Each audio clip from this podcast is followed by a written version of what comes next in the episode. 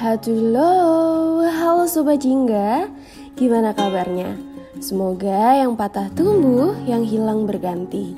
Semoga selalu ada kabar baik setiap harinya. Amin.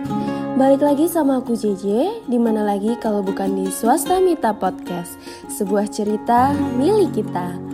Sore-sore gini Sobat Jingga lagi ngapain nih? Duduk santai di teras rumah, sambil menikmati segelas kopi, atau baru selesai kejar deadline tugas yang udah awur-awuran. Apa pun aktivitasnya, pastikan Sobat Jingga untuk tetap semangat dan jangan lupa selalu jaga protokol kesehatan. Kalau dipikir-pikir, nggak kerasa ya kita udah lebih dari 2 tahun hidup berdampingan dengan virus COVID-19.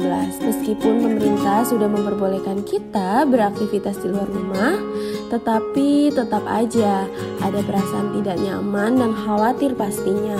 Ditambah silih berganti berita duka datang setiap harinya. Sedih pasti, tapi kita harus tetap berusaha menyelesaikan masalah ini. Nah, untuk sobat jingga yang belum vaksin, yuk kita sama-sama sudah ini semua dengan melakukan vaksinasi COVID-19. Alright, setelah episode pertama kita membahas seputar apa itu toxic relationship, apa saja ciri-cirinya, dan bagaimana mengatasinya. Kali ini lagi dan lagi pembahasan kita enggak beda jauh sama yang berkaitan dengan hal itu. Di mana episode kedua ini kita akan membahas seputar anggapan miring masyarakat mengenai lulusan diploma. Hmm, siapa nih di sini yang lulusan dari diploma? Atau ada yang masih kuliah? Terus apa ya kira-kira hubungannya dengan toxic relationship? Jadi, ada beberapa jenis toxic relationship pada kehidupan sehari-hari kita. Di antaranya yaitu bad temper atau temperamen, the guilt inducer atau menciptakan rasa bersalah, the overreactor and deflector atau reaktif, the independent toxic controller atau pengatur, dan juga ada reactor belitter atau meremehkan. Seperti yang telah dibahas pada episode sebelumnya, bahwa toxic relationship tidak hanya sebatas dalam hubungan romantis, melainkan bisa terjadi dalam hubungan kekeluargaan, persahabatan, maupun profesional. Salah satu jenis toxic relationship yang akan kita bahas di sini yaitu depredator, belater, atau meremehkan. Seringkali kita diremehkan dengan orang-orang yang berada di sekitar kita. Hal ini justru biasanya dilakukan oleh keluarga sendiri, teman, atau bahkan pasangan. Biasanya kita diremehkan pada kemampuan kita, pendidikan kita, jabatan, atau apa pun yang berhasil kita gapai saat itu. Dari pengalaman JJ sendiri sebagai mahasiswi sekolah vokasi nih, aku sering banget mendengar atau bahkan menerima ujaran negatif yang justru mengarah pada meremehkan. Memutuskan kuliah dengan gelar diploma sering kali dianggap sebelah mata, banyak yang mengira bahwa mahasiswa diploma itu mahasiswa yang putus asa karena nggak diterima di program sarjana. Padahal kenyataannya nggak begitu.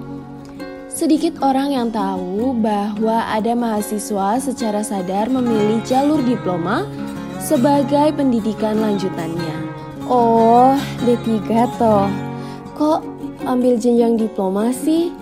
Kenapa nggak langsung S1 aja? Hmm, mahasiswa diploma pasti udah paham banget deh. Tertekan di bawah gelar diploma udah menjadi hal yang biasa bukan? Intinya sering dianggap sebelah mata deh. Dan adanya anggapan anak diploma hanyalah mahasiswa buangan membuat masyarakat masih tetap memiliki stigma terhadap mahasiswa diploma terlepas dari jenjang diploma 3 maupun diploma 4. Padahal kenyataannya banyak bidang pekerjaan yang lebih membutuhkan lulusan jenjang diploma jika dibandingkan sarjana. seperti pada bidang kesehatan dan juga pariwisata. Masyarakat juga masih banyak yang percaya bahwa lulusan diploma itu memiliki jenjang karir yang lama. Katanya lulusan sarjana lebih bergengsi daripada lulusan diploma. Hmm, katanya sih. Oh iya, mau jadi pegawai negeri sipil atau PNS, lulusan diploma dianggap akan lebih lama naik jabatan karena hanya dianggap sebagai ahli madya, bukan sarjana. Presiden Joko Widodo dalam beberapa kesempatan telah menyinggung mengenai pentingnya sekolah vokasi bagi Indonesia. Sekolah vokasi dianggap sama pentingnya dengan infrastruktur. Dunia saat ini telah berubah. Jika kualitas sumber daya manusia tidak dipersiapkan dengan baik, maka Indonesia akan tertinggal dalam perubahan dunia tersebut. Beliau menambahkan bahwa perubahan begitu cepat dari internet yang beralih ke mobile internet dan juga mobile bergeser ke artificial intelligence robotik. Itulah sebabnya sekolah semacam politeknik dan vokasi sangat amat diperlukan jika kualitas sumber daya manusia di Indonesia tidak ingin tertinggal dengan negara lain. Sekolah vokasi merupakan pendidikan setara dengan politeknik.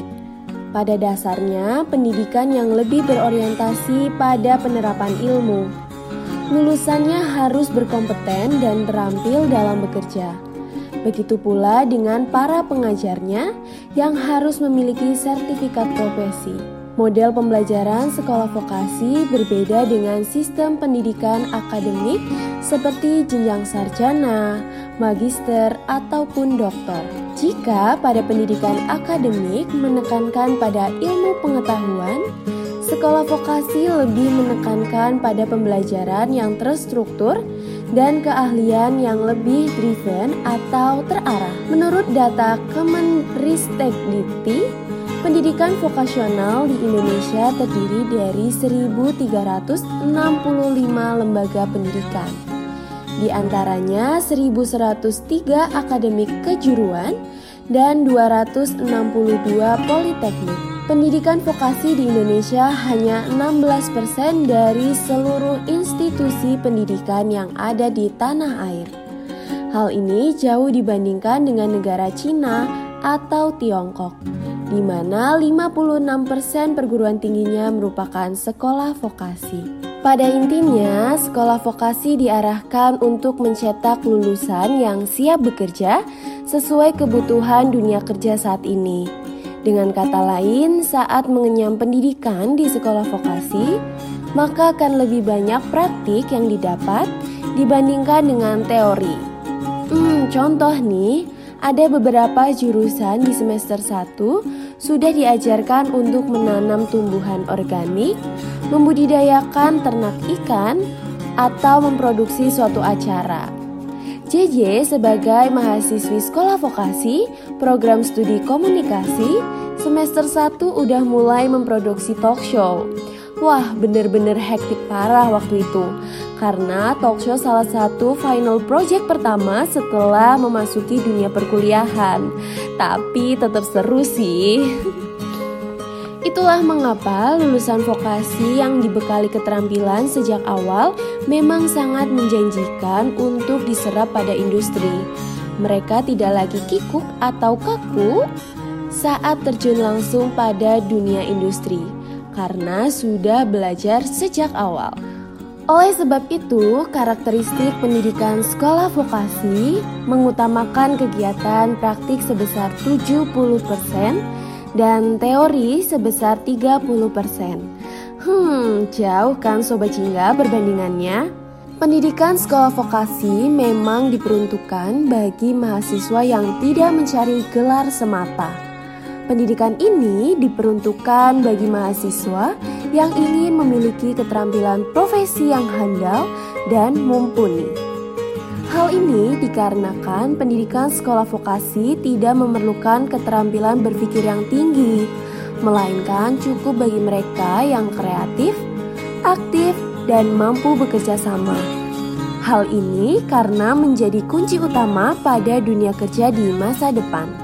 Di era industri 4.0, banyak posisi penting yang dapat diisi oleh orang yang tidak memiliki ijazah pendidikan tinggi, namun memiliki skill yang mumpuni, seperti editor, desain grafis, animator, web developer, dan sebagainya.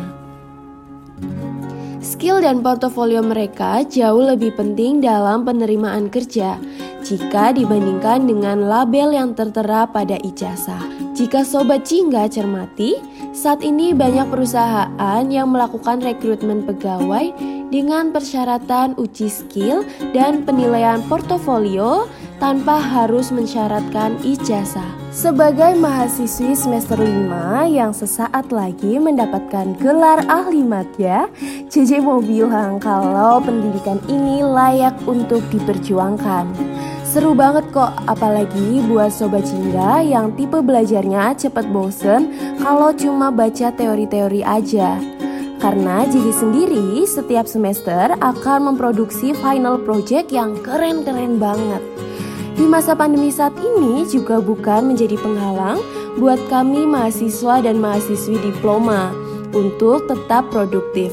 Meskipun melalui daring, kami tetap bisa memproduksi radio, iklan, hingga short movie. Jadi, buat sobat jingga yang sekarang masih menjalani pendidikan sekolah vokasi atau mungkin sudah mendapatkan gelar alimat ya, selamat ya. Sobat Jingga nggak perlu merasa rendah dengan stigma yang melekat pada masyarakat mengenai pendidikan diploma ini. Lulusan diploma pun bisa menjadi orang sukses, bahkan menjadi seorang bos pada perusahaannya sendiri. Tenang Sobat Jingga, kalau Sobat Jingga ingin menambah ilmu, Sobat Jingga bisa lanjut ke jenjang strata 1 dan yang terpenting Sobat Jingga harus ada niat dan memperbanyak relasi serta informasi. Nah, buat sobat jingga yang saat ini sebagai lulusan sarjana, selamat. Kalian tidak perlu merendahkan orang-orang di sekitar kalian yang memiliki jenjang karir yang berbeda. Jangan menjadi seseorang yang toksik dengan merendahkan orang lain. Saling mendukung satu sama lain untuk menjalin hubungan yang positif. Aku JJ, terima kasih sudah mendengarkan Swasta Mita episode kedua ini. Sampai jumpa di sebuah cerita milik kita lainnya.